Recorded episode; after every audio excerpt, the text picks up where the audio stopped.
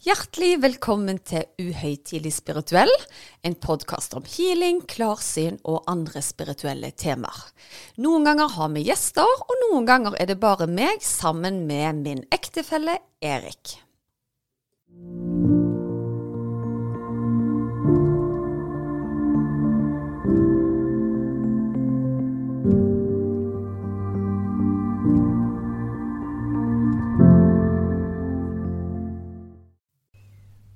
Ja vel, Susanne. Da er det fjerde episode.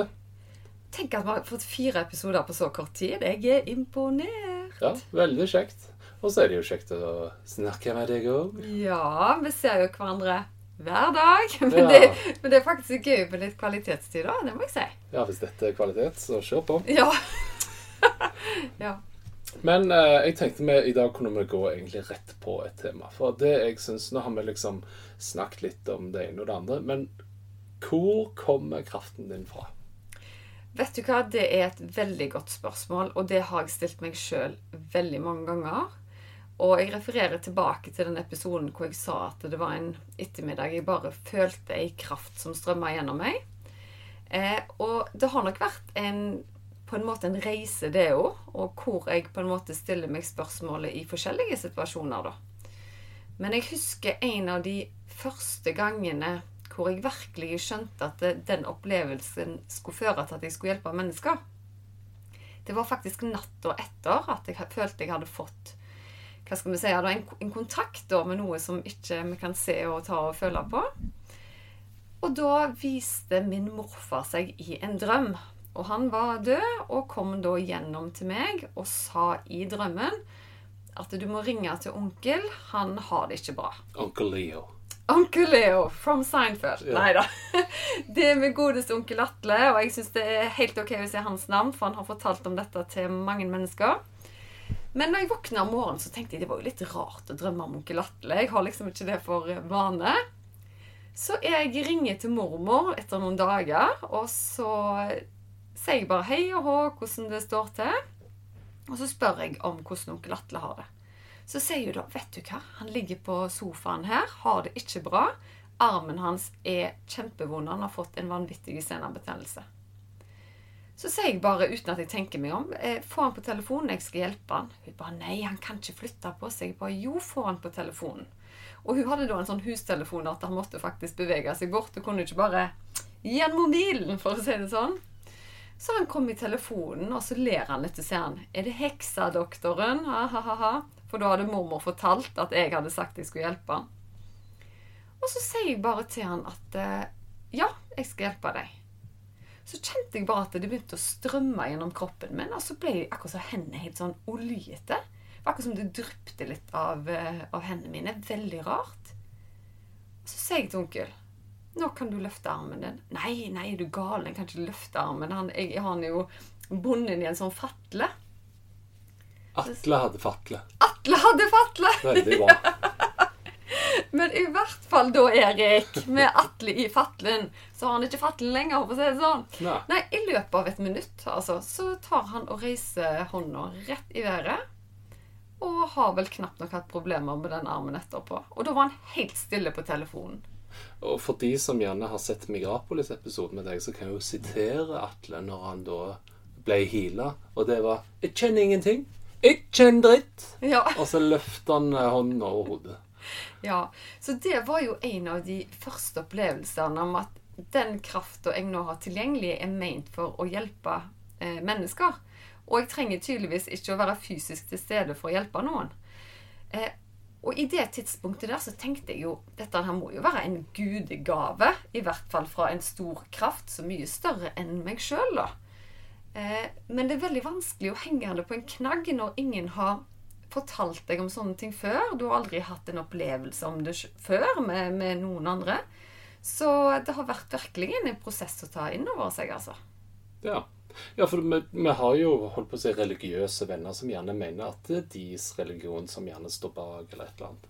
Absolutt. Eh, og jeg syns det er litt vanskelig å henge det på, på en knagg, fordi snakker du med en muslim, så vil han si at ja, det er gjennom Allah sin kraft. Er det med de kristne, så er det Guds sin kraft. Og gjennom alle religioner så er det deres kraft.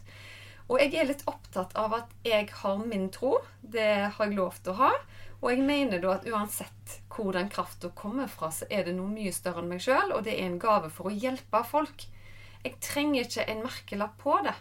Og det syns jeg er veldig fint um, når folk respekterer òg. At jeg ikke nødvendigvis må putte meg i en eller annen bås for å på en måte bli godkjent, da. Ja. ja det er jo kjekt.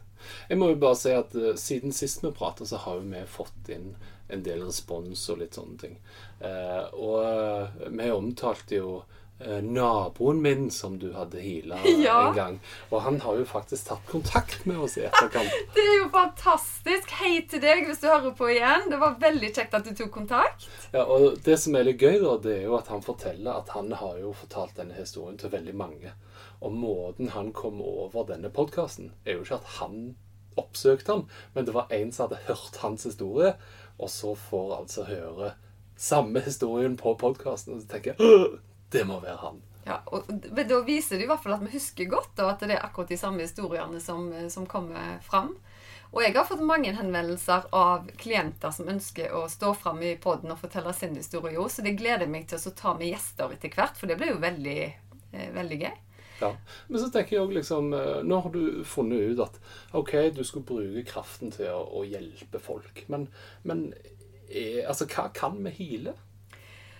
Vet du hva? Akkurat når det kommer til hva som kan heale, så trodde jeg i starten at eh, Jeg ante ikke. Eh, jeg var veldig fokusert på Gjerne hvis du hadde vondt i skulder eller hodet eller ryggen, så la jeg hånda mi på, eller jeg sendte kraft mentalt.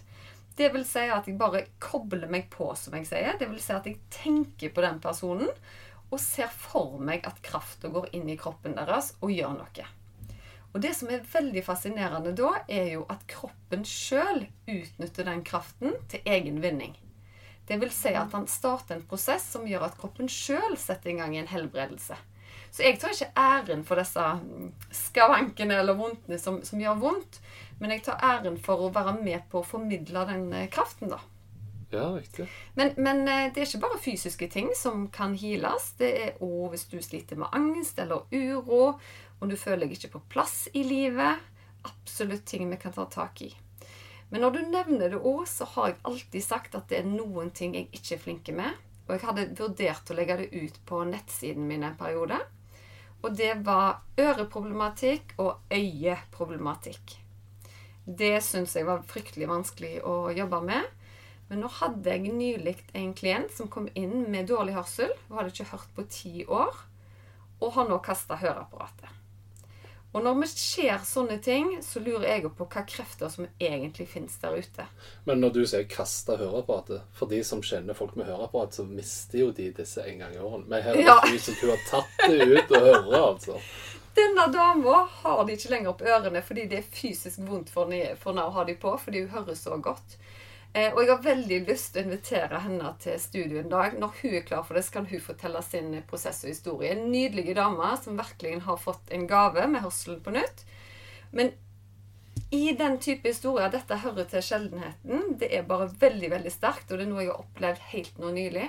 Så jeg ønsker henne bare alt godt. Ja, så kjekt. Men når du healer altså Jeg vil tilbake til denne hvor kommer kraften fra. For det at Du nevnte jo det jo forskjellige religioner og litt sånne ting. og Første gang jeg hørte om healing, så var det gjerne eh, reiki-healing var det noen som snakket om. Og det forstår jeg. Det er fundamentert litt mer i indisk hinduisme, buddhisme, et eller annet. Helt klart. Og så kommer det en del klienter til meg da, som forteller at de har kurs i reiki-healing eller andre typer healinger. Og så står jeg der som et spørsmålstegn. Fordi jeg har aldri sjøl tatt et kurs i healing, så jeg vet egentlig ikke hva type healing som er de, de riktige. For jeg jobber veldig intuitivt. Og det er det at krafta bare strømmer gjennom meg, så jeg aner egentlig ikke hva jeg gjør. Jeg vet bare at det jeg gjør, fungerer. Og da pleier jeg å si til folk If it works, why change it? Og da er det litt sånn med, med krafta og behandlingene jeg gjør i dag. For du sa en gang at du brukte en del team kan du ikke forklare litt mer eh, disse teamene du snakker om? Jo, eh, når jeg starta på kontoret mitt for første gang, skulle ha mine første klienter, så var jeg jo usikker på hvordan jeg skulle legge dette fram. Jeg var jo helt ny. Jeg hadde bare gjort dette her i stua og hjemme hos folk og på, på jobb.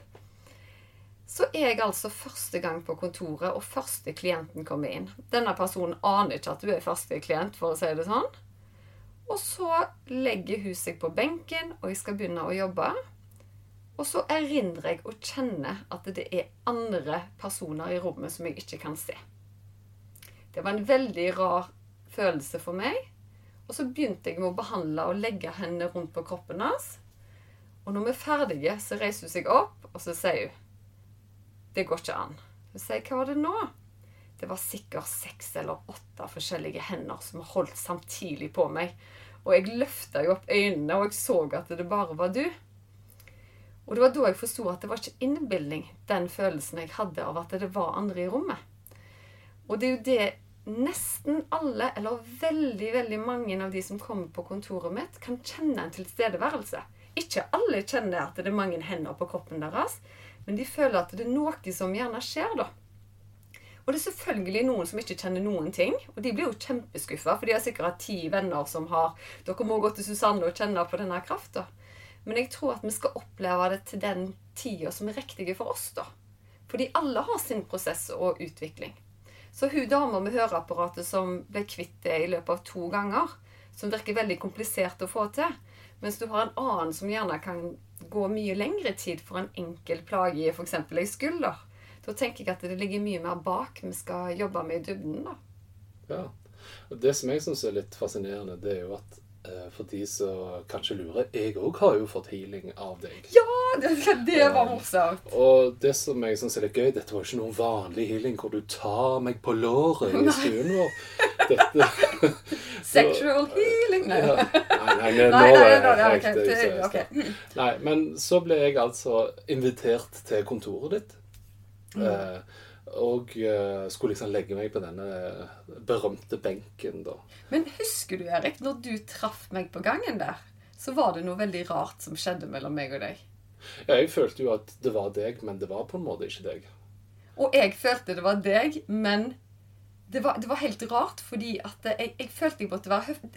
Altså, Jeg visste jo at du var mannen min, men jeg følte det ikke. Jeg følte at her er det en flott mann som jeg skal ta inn på mitt kontor og behandle, så det ble nesten litt sånn kleint. Ja, og der er du borti noe. For det, er det som da skjer under denne healingen, det er jo at jeg eh, legger meg da ned på benken, sånn som alle andre. Klærne beholdes på, erindrer jeg.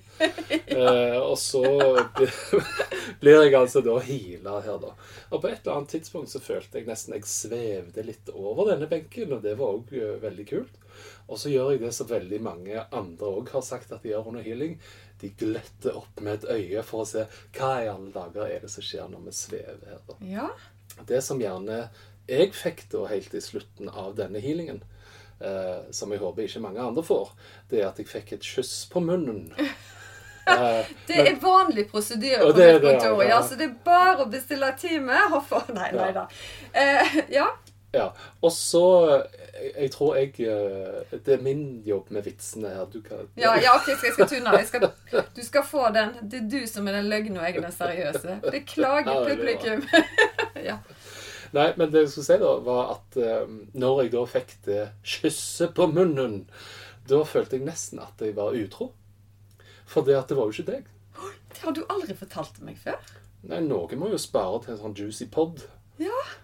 Nei, så rart. Ja, og, og det var jo litt gøy, da. Ja. Å være utro. Jo- Nei, men den følelsen da med at det var, det var deg, men i en annen Nei, det var ikke deg, men det var din innpakning, på en måte. Og det er nok noe det som skjer når Og, og det er det flere som sier. Jeg har en nydelig bekjent som heter Katrine, og hun eh, hun sier at hvis hun treffer meg privat, så er det Susanne Ertsland Askvik hun møter. Men inne på kontoret så, så det, sier hun at det er, det er nesten som en sånn helligdom. Det, det er noe helt annet. Og så har jeg da en, en episode hvor søsteren min kommer på, eh, på kontoret mitt og skal teste healing. Eh, håper jeg er greit at jeg eh, forteller. Eh, og da sier hun akkurat det samme. Hun sier, vet du hva, å, nå friker jeg litt ut, fordi jeg føler ikke at det er deg. Så sier jeg, men jeg snakker jo på en helt vanlig måte, og jeg kommuniserer jo med deg. Hun bare, ja, men det er akkurat som det er noen andre som kommer bak gjennom øynene dine. Det er en kraft der jeg ikke kjenner igjen, da. Og så lo vi bare litt av det. Så, men hun hadde en veldig spesiell eh, opplevelse på benken som jeg håper hun har lyst til å dele med lytterne en annen gang. Ja. ja, for jeg opplever jo ofte, hvis jeg hører litt på når du gjerne driver fjernhealing over telefonen, så får du jo en annen stemme. Det er litt sånn Ja, velkommen til Rogaland Teater. Nå skal vi Å, vet du hva? Det syns jeg er litt sånn pinlig. Fordi det har jeg hørt sjøl. Ikke når jeg hyler, men på opptak etterpå så høres jeg litt ut som en sånn dårlig storytell. Men når det er sagt, mine klienter sier at det er behagelig å høre på. og Det tar jeg som Ja, det er kompliment. Men, men, men det er nok fordi at eh, Si at du blir påkobla denne kraften, da. Og, og så gjør jo jeg noe som heter kanalisering. Det vil si at det kommer på en måte et språk gjennom meg. Fordi Susanne vet ikke hva som feiler den personen som ligger der. Hun vet ikke at han har vondt i hodet eller skada skulder i 19 pil og bue. Men dette språket kommer gjennom meg, og da bare sier jeg sånt. Ja, nå skal vi jobbe med den skaden du fikk på klatrestativet i 2010, f.eks. Og hadde jeg da på en måte vært hva skal jeg si, i et vanlig jobbmøte, eller noe sånt, så hadde jeg aldri tørt å sagt det. Tenk hvis det ikke stemmer. Men jeg har en vanvittig trygghet på jobb som gjør at det, det jeg sier, det stemmer. Ja, for dette, når du sier du, du har dette språket, men det er norsk. Det, det er norsk, det er min stemme. Jeg snakker sånn som nå. Men jeg kanaliserer det, så jeg får vel kanskje litt mer sånn fløyels... eh, fløyelsstemme. Ja. Og så eh, tenker jeg liksom Nå skulle jeg prøve å etterligne. Ja, det går ikke. Nei, det går Det er, du, du må være healer for det. Ja. Men så tenker jeg òg Når denne på en måte kanaliseringen kommer inn, og så snakker du med teamet ditt eh, Si da det kommer inn en som eh, har vondt i nakken. Ja. Eh, kan du ta et eksempel på hvordan dette kunne ha hørtes ut? Det kan jeg. Eh, da vil jeg selvfølgelig ha en samtale med vedkommende først. Og så vil de legge seg på en benk. Og så vil jeg gå igjennom kroppen med energi. Og da tilkaller jeg hjelperne mine Aurora, Mikael, og så har jeg Rafael. Og så har jeg òg en ny hjelper som heter Pierre. Det høres jo veldig schizofrent ut. Men han har mer ansvar for høyfrekvent teknologisk healing. Og han kom inn nylig.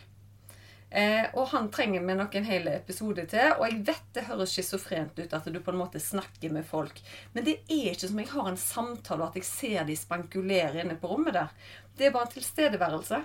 Hvis du lukker øynene dine, og jeg spør hvordan ser mor di ut, så trenger ikke du å liksom bla gjennom et fotalbum i, i hodet ditt eller se når hun går forbi. Du vet hvordan hun ser ut. Du vet hva hun heter. Du vet hva hun står for. Og det er litt sånn med mine hjelpere. De er, bare, de er der bare, på en måte. Ja, nå må jeg bare si, Når jeg lukter øynene nå og visualiserte moren min, så er ikke hun så glad i å bli tatt bilder av. Så det første som slo meg da Jeg vil ikke være med på denne potten! Ja, men du forstår hva jeg mener? Eller, Ja. eller er det vanskelig det, Jo, men jeg forstår det at du Ja, for det at du kommuniserer på en måte i ting og mennesker som du er kjent med. Yes. Så du må omsette det i La oss kalle det symboler som du kan, for at du skal omsette det. Helt klart. Helt klart. Og det som er så fascinerende, er jo at folk som aldri har hatt en religiøs opplevelse eller en spirituell opplevelse eller en alternativ opplevelse, som gjerne har blitt sendt av ektefeller eller fedre eller naboer til, til healing, kjenner jo at noe skjer.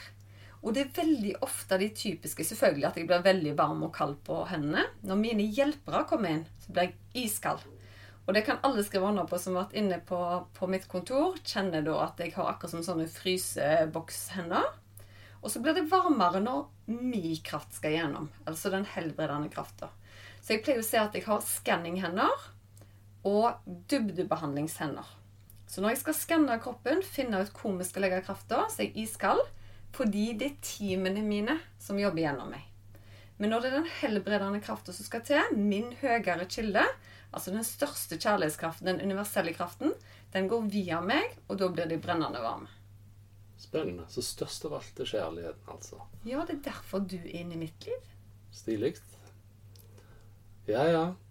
Men det som jeg syns er litt interessant, det er jo at vi nå omsetter dette til ting som vi nå i 2021 eh, forstår oss på. Men hvis du spoler 1000 år tilbake igjen i tid, da, da snakket nok ikke disse heksene om uh, skanning og sånne ting, tror du det? Nei, helt klart ikke. Eller da hadde de vært veldig framtidssynte hvis de snakket om høyfrekvent teknologisk eh, healing, eh, blant annet. Men, men, jeg har jo tatt meg i altså Gjerne helt tilbake i 2009-2010 så satte jeg jo disse merkelige akupunkturnålene som meg og deg snakket om i en forrige episode. Men det utvikla seg veldig raskt til at jeg satte tynne, små nåler som også sendte elektriske impulser. Og det husker jeg jeg nevnte for deg, og sa du å, det er fascinerende. Og så tok det ikke mange årene, så var det faktisk på markedet. Og det var da jeg tenkte litt sånn Oi, dette her, her skjer det ting. Og det siste nå med høyfrekvent teknologisk healing er jo det at jeg har en visuell maskin da, som skanner kroppen og gir meg informasjon. Men jeg stiller aldri diagnoser. Jeg går kun på symptomer. Veldig viktig i forhold til medisinsk tilsyn. Skal alle mine klienter skal først og fremst gå til lege. Dette er kun visuell skanning for at jeg skal bare forklare dem hvor jeg sender krafta. Og veldig ofte så kan jeg nevne om skader de har hatt før i tida, hvor ting sitter nå. Og vi på den måten kan sette i gang eh, prosesser, da. Ja. ja. for det er jo litt interessant dette med liksom, etikken i dette her. Da. Mm. For det husker jeg du sa til meg når du skulle begynne som healer, at du tok et kurs innenfor eh, la oss kalle det medisinsk etikk. da. Mm. Eh, og sånn som jeg har forstått det, så er det noe lignende gjerne leger òg altså, har. At du skal gjerne ikke love helbredelse, f.eks. Helt klart. Og det kan verken en lege, kiropraktor, fysioterapeut eller noen som helst kan love helbredelse. Selvfølgelig, Du har opparbeidet deg erfaring etter hvert, så du kan si til en klient det at 'Å, det har jeg god erfaring med', men selvfølgelig, vi kan aldri gi garantier. Men sånn som i alvorlig sykdom, da, f.eks. Jeg får ofte spørsmål om ja, men tar du på deg f.eks. oppdrag med de som har kreft. Og da sier jeg selvfølgelig gjør jeg det. Men de skal gjøre all behandling de har på sykehus. Det er det som er det viktigste. Der min hjelp kommer inn, er kun et substitutt for å gjøre kroppen sterkere til å tåle den medisinske behandlingen. Ja, Et supplement, tenker du da? Ja, selvfølgelig et supplement. Eh, fordi veldig mange blir svake av f.eks. cellegift. Eh, det går utover organer etter hvert. Så min prosess da, og min hjelp er egentlig å styrke organene. Styrke immunforsvaret. Og det er jo det flere av mine klienter opplever, er at de kommer seg raskere gjennom disse kneikene. da. Og det er jo derfor de òg bruker meg, i tillegg til den medisinske behandlingen. Mm. Eh, vi starta med å si hvor kommer kraften fra. Eh, og vi har vært innom religion og litt sånn forskjellig. Eh, det jeg syns er veldig kult, hvis jeg drar opp ordfagsboken min igjen, ja. det er jo det at det neppe har blitt funnet en sivilisasjon som gjerne ikke har trodd på noe høyere enn seg sjøl. Eh, om det er moder jord, eller om det er kraften i skogen, eller hva som helst, så vil det som regel være spor av et eller annet som de enten har tilbedt eller har trodd på. da. Mm. Så dette må jo være en ganske gammel kraft, tenker jeg. Ja, sikkert en kraft som har vært der alltid. Men så er det jo litt stigma rundt dette med troa, da. Altså å, du er healer, du, eller du er gift med en healer, og du er en av de koko-typene du som tror på det ene og det andre. Og da kjenner jeg at jeg må jobbe litt med meg sjøl, fordi at eh, vi trenger ikke tro på eh, kraft for å ringe en person i Afrika. Vi bare tar opp telefonen, og så ringer vi, og det syns vi er helt naturlig. Hadde vi gått tilbake 500 år i tid og sagt at det vil fungere på den måten, gjerne med et kamera òg, så hadde de stilt oss spørsmål om vi var helt på tur eller idioter. Ja, stemmer. Eh, og i dag så er det enkelt for oss. Vi setter på stekepanne og koker oss et måltid. holdt Jeg på seg. Eh, jeg tenker ikke over hvordan krafta i komfyren fungerer for å benytte meg av det. Og sånn er det med denne kraften. Og han er tilgjengelig, så hvorfor skal jeg ikke bruke han? Hvorfor skal jeg ikke snakke om at han fins? Fordi han, han fins jo der ute, helt klart. Jeg eh, tok jo et kurs en gang, og der sa de òg at jeg gjerne hadde en kraft. Er det sånn at alle har denne kraften i seg? Jeg tror at alle har den krafta i seg. Absolutt. Men jeg tror gjerne noen har utvikla den sterkere enn andre fra starten av. Eh, Tenk deg at eh, noen har mer anlegg for å bli olympisk mester i springing. Jeg kunne sikkert ha øvd fra jeg var to år, og kommer aldri til å nå i maraton og bli raskest. Uansett hvor mye jeg øvde. Så er det noen det bare ligger for. De har det fra dag én. Og jeg har nok vært en av de som har den kraften mer tilgjengelig i min indre harddisk, da. Ja, for jeg, eh, Min metafor på det da, det er at hvis du tenker at du skal lokke et lite ekorn ut av et hull, og ekornet er kraften, Ja. så er jeg liksom der at eh, med en gang han begynner å bevege seg litt ut, så skal jeg ta han. Ja. Og da springer han av gårde. Mens du har på en måte vært tålmodig nok, og så lukter han opp i hånden din og fôret han med nøtter, sånn at han Da har du på en måte kraften, da. Og, og, men det kan jo på en måte sikkert oppleves som litt urettferdig òg. Det er sikkert de som har en et ønske eller veldig stort håp om at de skulle ha den krafta. og hvorfor jeg fikk den på den måten jeg gjorde, egentlig en åpenbaring sånn over natta, selv om vi har egentlig kommet fram til at han har vært der hele tida, så, så kan jeg forstå at det er vanskelig å akseptere. I hvert fall hvis de bruker mye tid på å finne den kraften sjøl, da. Ja. Men det jeg i hvert fall syns er veldig kjekt, det er at vi kan prate om det. Du kan hile på kontor, og vi ser jo daglig at det er folk som opplever positive ting med kraften. Eh, og da tenker jeg at eh, mantraet her er jo positiv. At du bruker en gave til noe godt, og så bringer det noe bra med seg for andre mennesker. Absolutt. Jeg tenker egentlig at det viktigste her er at alt er en universell kjærlighetskraft, og den kan ha Hva skal jeg si The world is the limit, altså, hvis du bare sender den kraften fordi du ønsker å hjelpe. Ja, jeg er jo mer opptatt av at the sky is the limit. ja da. Ja, All right. Um, Men du, jeg har veldig lyst til å be følgerne om at de er nødt til å følge oss på Instagram. For der kan de stille spørsmål som vi kan snakke mer om i nyere episoder. ja. Eh, besøk oss på, uh, Hila Susanne på på Instagram. Instagram. Veldig bra. Send inn kommentarer eh, der, og så kan vi ta opp det eh, ved en senere anledning. Da runder vi av eh, for i dag. Tusen takk for at eh, dere har hørt på igjen.